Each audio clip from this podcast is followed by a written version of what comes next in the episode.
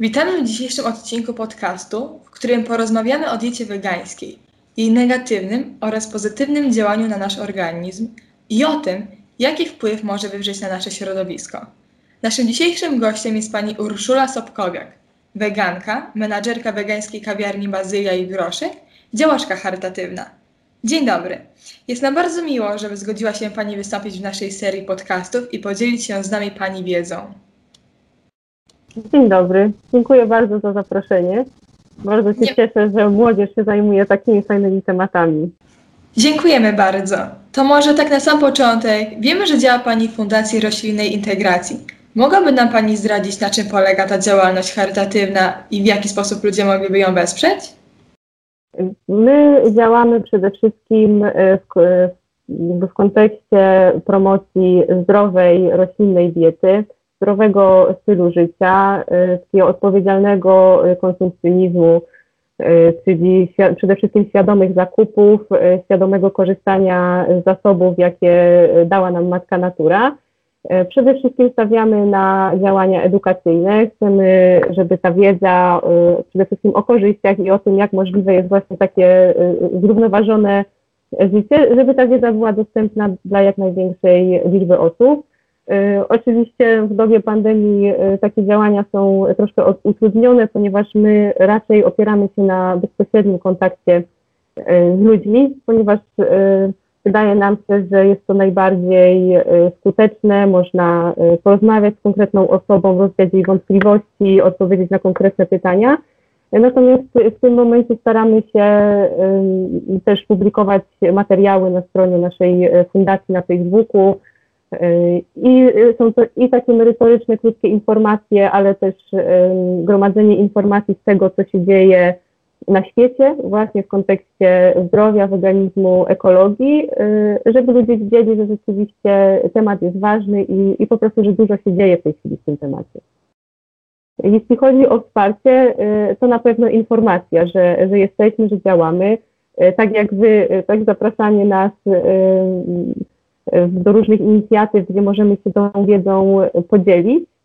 Y, do tej pory może właśnie ze względu na pandemię nie mieliśmy okazji zbyt dużo, y, że tak wyrażę, wyjść w miasto, ponieważ y, otworzyliśmy się dopiero jesienią 2019 roku. Natomiast też już byliśmy z cateringiem na konferencji, na przykład w Urzędzie Wojewódzkim, na festiwalach różnych. Tutaj y, staramy się przede wszystkim pojawiać wszędzie tam, gdzie są osoby, które są y, świadome potrzeby działania i, i chętne do zdobywania tej wiedzy.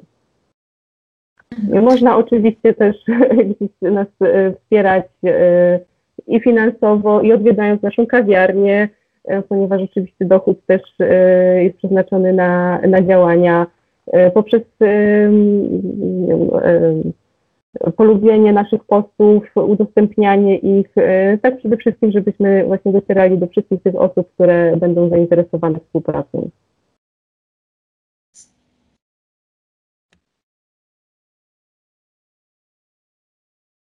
Okej, mhm. Trzeba przyznać, że jest to naprawdę ciekawa inicjatywa. Podoba mi się ten pomysł. Jak powstał pomysł na jej założenie? Przede wszystkim na początku w ogóle nie myśleliśmy o zakładaniu fundacji, e, tylko działaliśmy w sposób nieformalny. Jest taka bardzo fajna inicjatywa, która e, ja nawet nie wiem, kto jest autorem, natomiast ona działa e, prawdopodobnie na całym świecie. To jest tak zwana kuchnia społeczna. To czasami nazywa się obiady wegańskie, ale generalnie zasada jest taka, że spotykają się w jednym miejscu osoby, które właśnie są zainteresowane dietą roślinną e, i albo przychodzą z własnym wegańskim daniem, e, albo wpłacają jakiś datek na e, jakieś cele charytatywne. My akurat zbieraliśmy zazwyczaj na, na nasze tutaj lokalne Towarzystwo Opieki nad Zwierzętami.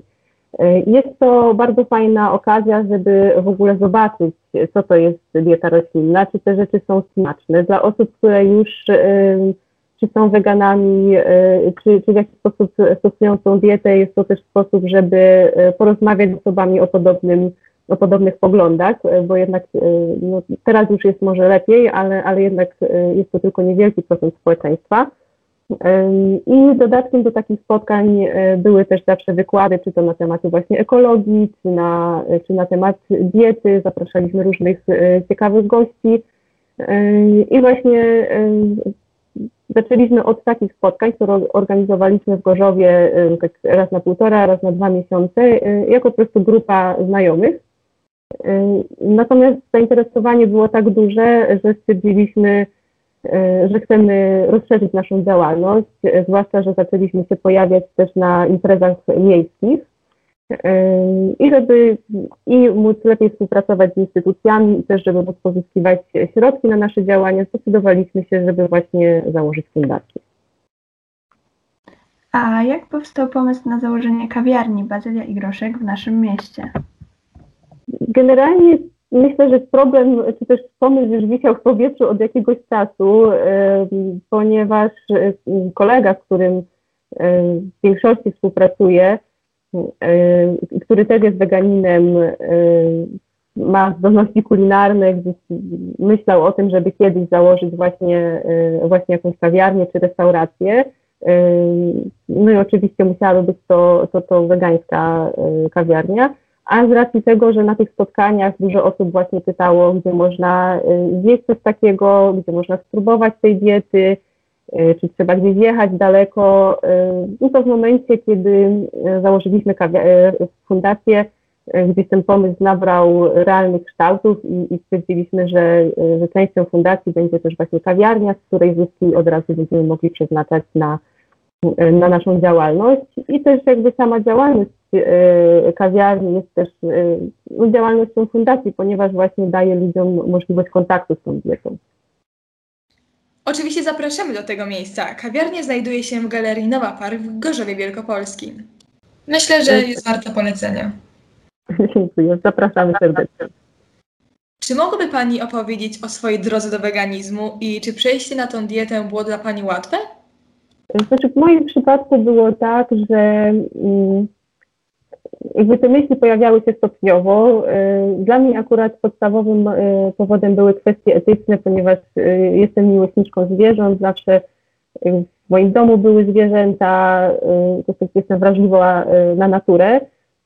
I w pewnym momencie gdzieś no, zaczęło mi się to kłócić z tym, że właśnie że, no, jem, jem mięso, a a troszczę się o zwierzęta. W międzyczasie też y, powoli zaczęła się pojawiać y, w ogóle wiedza na temat y, diety roślinnej, ponieważ kiedyś, szczerze mówiąc, ja nawet nie zastanawiałam się nad tym, tak, czy, czy to jest ok, czy to nie jest ok, czy, czy można tak jeść, czy nie można.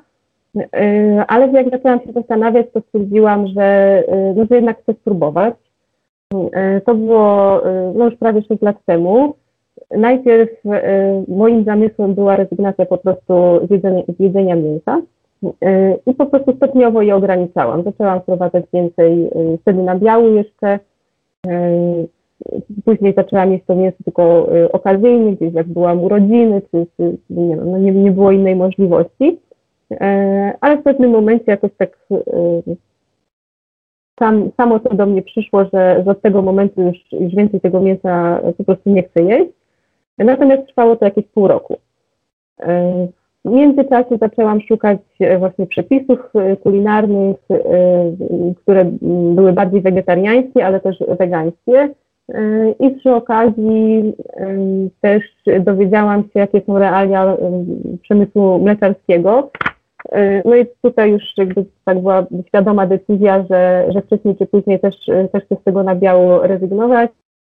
Wiemy, że przejście na dietę wegańską to naprawdę duże wyzwanie, więc aby zachęcić naszych słuchaczy, chciałybyśmy dowiedzieć się, jakie są główne zalety dla środowiska dobrze zaplanowanej wspomnianej diety.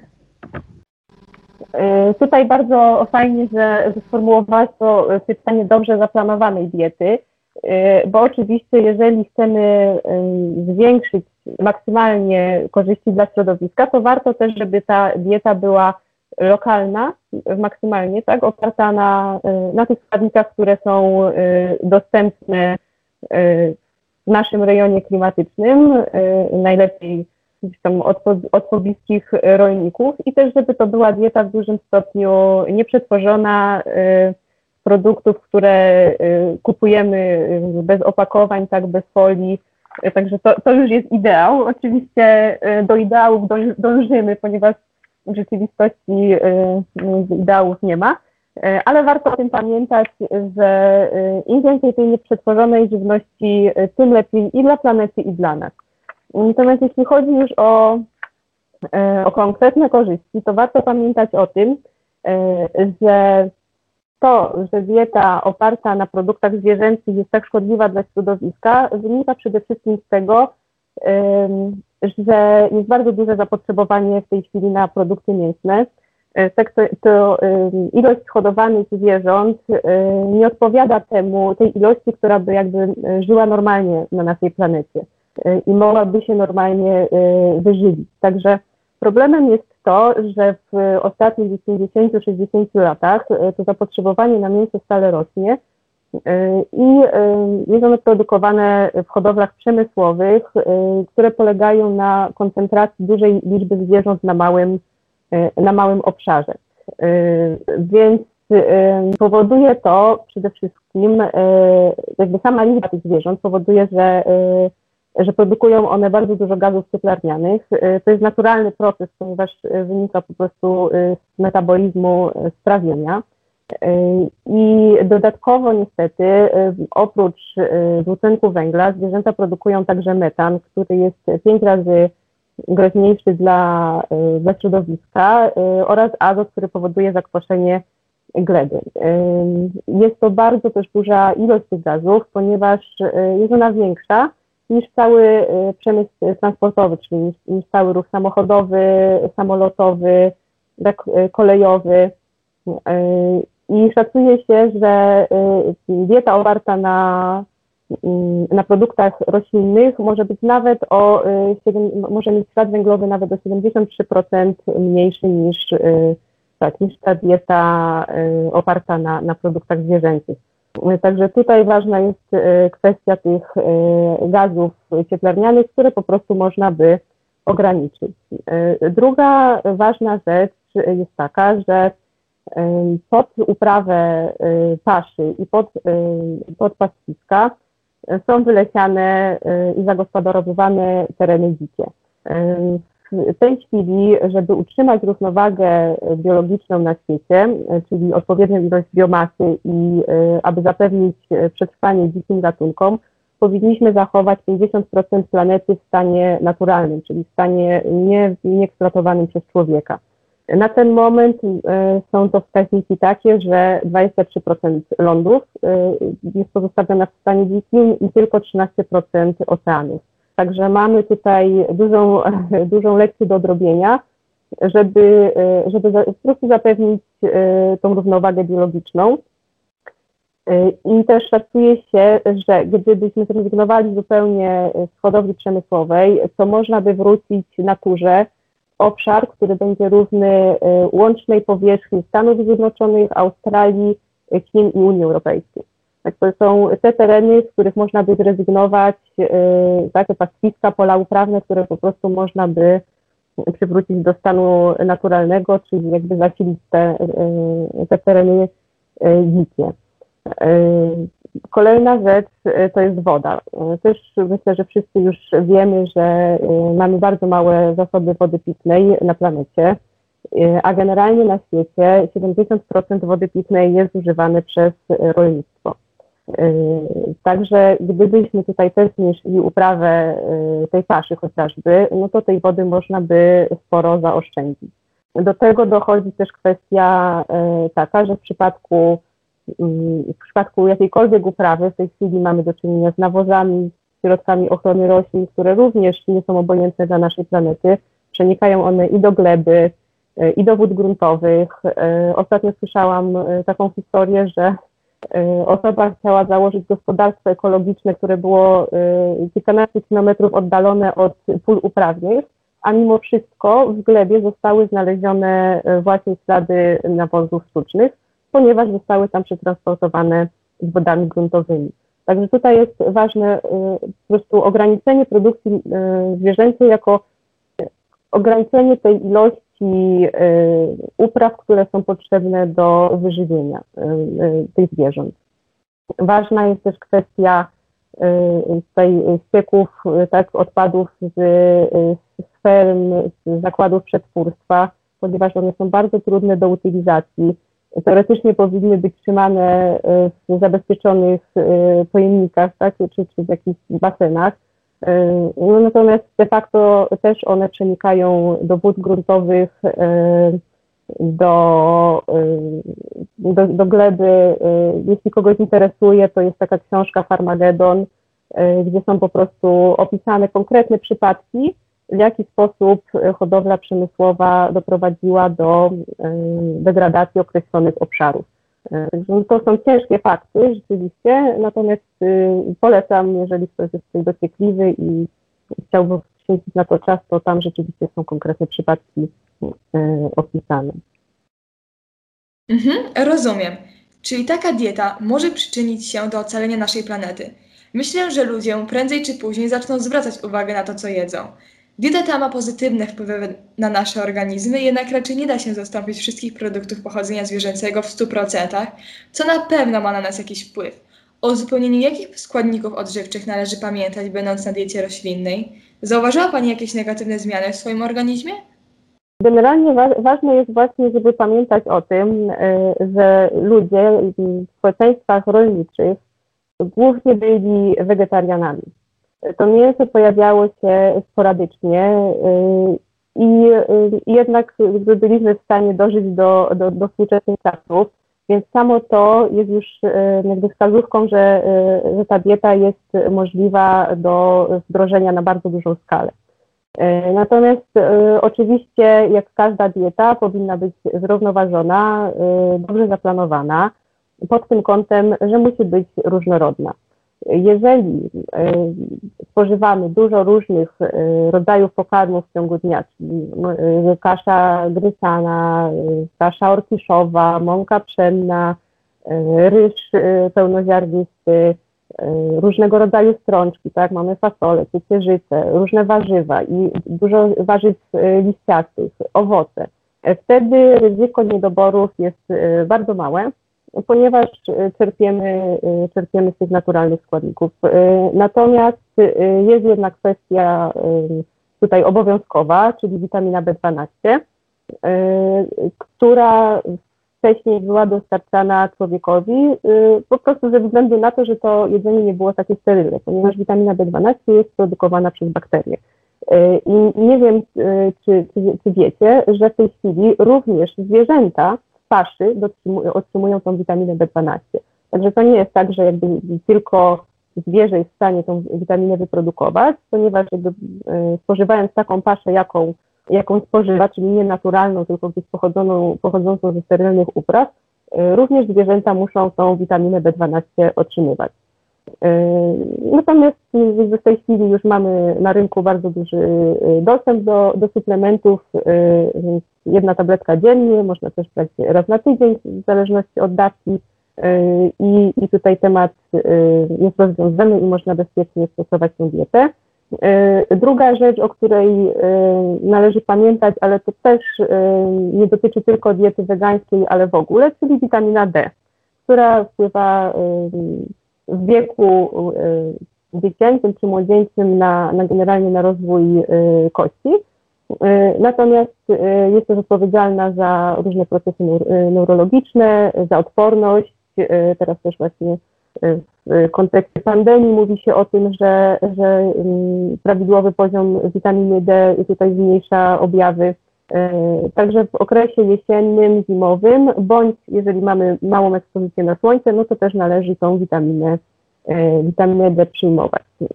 Oczywiście trzeba też obserwować swoje ciało i, i w razie jakichś objawów czy wątpliwości zawsze warto się wybrać do lekarza E, jeżeli ktoś tutaj już chciałby być pewny, to e, też można wykonać e, badania w kierunku tutaj diet wegańskich, czyli tam pewnie żelazo, cynk, właśnie witamina B12. Natomiast, tak jak mówię, jeżeli ta dieta jest zbilansowana, różnorodna, nie opiera się powiedzmy na chipsach i, i, i bananach, tak, tylko, tylko na różnorodnych produktach, to ryzyko jakichś niedoborów jest bardzo małe. Dobrze, jeżeli mogę jeszcze zapytać, w jaki sposób zamierza Pani dalej rozwijać siebie i swoją działalność? E, Przede wszystkim chcemy trafić do jak największej e, liczby osób. W tej chwili już tutaj zaczęliśmy nawiązywać kontakty z różnymi firmami, e, z instytucjami, które organizują w Gorzowie różne wydarzenia, po to, żebyśmy właśnie, tak jak przed pandemią, mogli się pojawiać w- na mieście, e, na różnych imprezach czy różnych okazjach, żeby ludzie mieli możliwość, e, możliwość kontaktu.